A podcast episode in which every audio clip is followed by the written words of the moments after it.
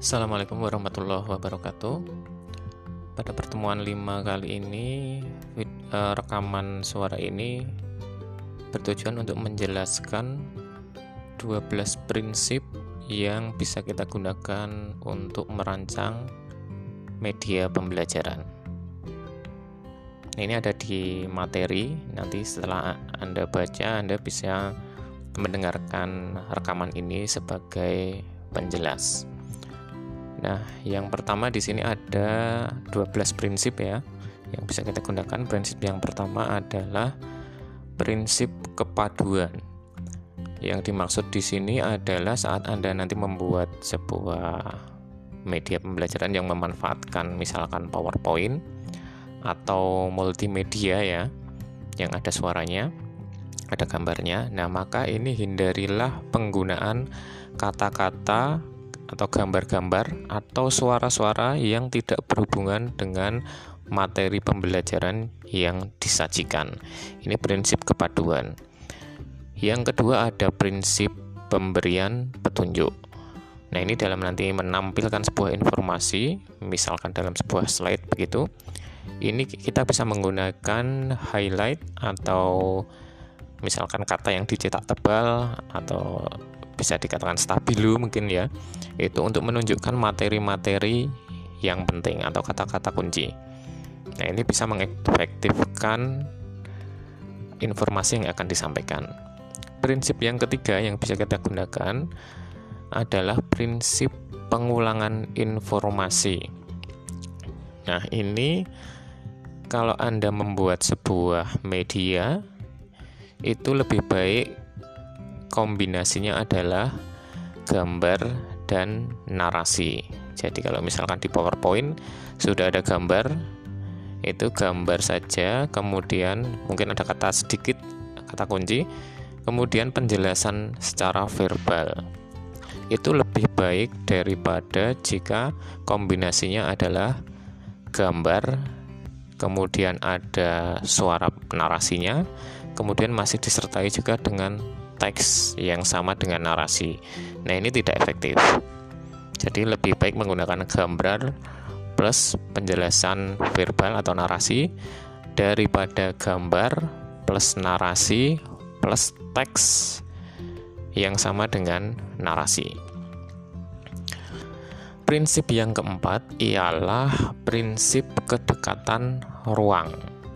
Apa yang dimaksud di sini? Yaitu bahwa jika Anda membuat sebuah tampilan ada gambar dan ada teksnya penjelas ya teks sedikit penjelas begitu itu posisikan gambar dan teks berdekatan. Nah jika berjauhan ini juga akan mengganggu efektivitas informasi tersebut untuk tersampaikan ke peserta didik. Kemudian ada prinsip kedekatan waktu ini yang kelima. Yang dimaksud di sini adalah jika kita menampilkan sebuah media, misalkan berupa gambar dan teks, gambar dan teks tersebut harus ditampilkan bersamaan. Jadi misalkan muncul begitu ya, kadang-kadang kan ada uh, slide itu berganti slide kemudian muncul gambar dan teks. Nah, ini usahakan gambar dan teks ini muncul bersamaan jangan berurutan. Misalkan muncul gambar dulu baru teks atau teks dulu baru gambar. Nah, ini tidak efektif. Gambar dan teks munculkan bersamaan.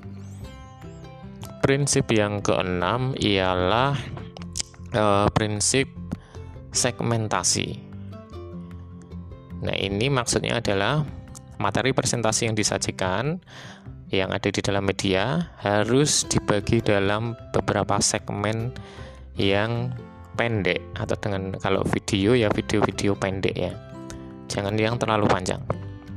Karena kapasitas uh, otak manusia untuk menerima informasi itu juga terbatas ya sebelum masuk ke memori jangka panjang. Sehingga uh, untuk efektifnya maka materi-materi itu harus dipecah ke dalam segmen-segmen yang pendek atau video-video dengan durasi pendek daripada yang video berjam-jam. Kemudian prinsip ketujuh ini ada prinsip pra presentasi. Jadi sebelum Anda menyajikan sebuah uh, tampilan slide atau dalam sebuah video yang Anda bikin tentang materi pembelajaran, itu berikan garis besar dari materi yang akan dipelajari itu di awal. Ini yang disebut dengan prinsip pra presentasi sehingga peserta didik tahu dulu peta besarnya ini di mana arahnya ke mana nah ini baru kemudian nanti masuk ke materi. Kemudian yang kedelapan adalah prinsip modalitas. Di dalam prinsip modalitas ini yang dimaksud adalah kita menggunakan gambar plus narasi itu lebih baik daripada gambar uh, dengan kombinasi teks tadi sudah disinggung di prinsip sebelumnya yaitu bahwa gambar dan narasi lebih baik daripada gambar, narasi dan teks. Nah, ini ini dibandingkan lagi bahwa gambar dan narasi itu juga lebih bagus atau lebih efektif menyampaikan informasi daripada gambar dan teks. Kemudian di uh, prinsip yang kesembilan adalah prinsip multimedia. Kalau ini sudah jelas saya kira ya. Uh, maksudnya di sini adalah gambar dan teks itu lebih efektif menyampaikan informasi daripada hanya teks saja. Nah, ini jelas sekali. Karena gambar uh, pasti memberikan penjelasan yang lebih dari teksnya. Tapi kalau hanya teks saja tanpa gambar, nah ini kadang uh, masih kurang bisa dipahami. Kemudian prinsip yang ke-10 ialah prinsip personalisasi yaitu susunan kalimat teks kalau Anda menampilkan uh, media itu dalam bentuk teks misalkan tulisan atau buku begitu ya itu lebih baik dalam gaya percakapan interaktif daripada gaya bahasa formal yang satu arah, termasuk dalam eh, memberikan media yang sifatnya audio. Nah, seperti ini yang saya lakukan ini, maka lebih baik sifatnya itu interaktif gaya percakapannya. Jadi bukan seperti kita membacakan sebuah buku ya. Jadi lebih ke, uh, seperti kita ngobrol.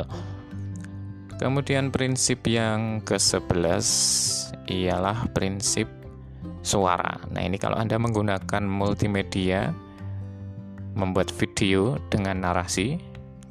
Nah, ini narasi yang Anda gunakan atau bahasa yang Anda gunakan ini jangan menggunakan suara mesin. Jadi, usahakan gunakan suara manusia asli dan dengan bahasa yang mudah dipahami oleh peserta didik. Jika peserta didik ini uh, mungkin tinggal di suatu daerah, di situ ada bahasa daerah yang dia familiar, mungkin itu bisa Anda gunakan sedikit sehingga terlihat lebih dekat dengan lingkungan peserta didik. Kemudian tadi juga hindari penggunaan suara digital. Nah, sekarang ada suara yang uh, di Google itu ya. Anda bisa ketik kemudian keluar suara. Nah itu hindari menggunakan suara semacam itu karena itu dianggap tidak alami dan ini ini menghambat proses komunikasi.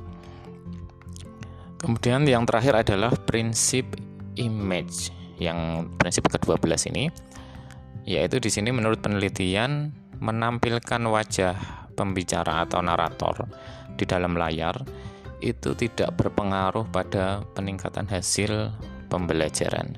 Jadi jika Anda bikin video pembelajaran menjelaskan sebuah materi, itu tidak penting Anda men menyertakan wajah Anda di situ biar kelihatan. Nah, itu tidak ada efeknya kepada hasil pembelajaran peserta didik.